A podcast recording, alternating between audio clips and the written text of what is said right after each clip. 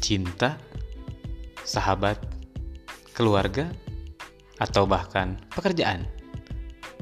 Gue yakin semua orang pernah ngalamin keresahan dalam hal itu.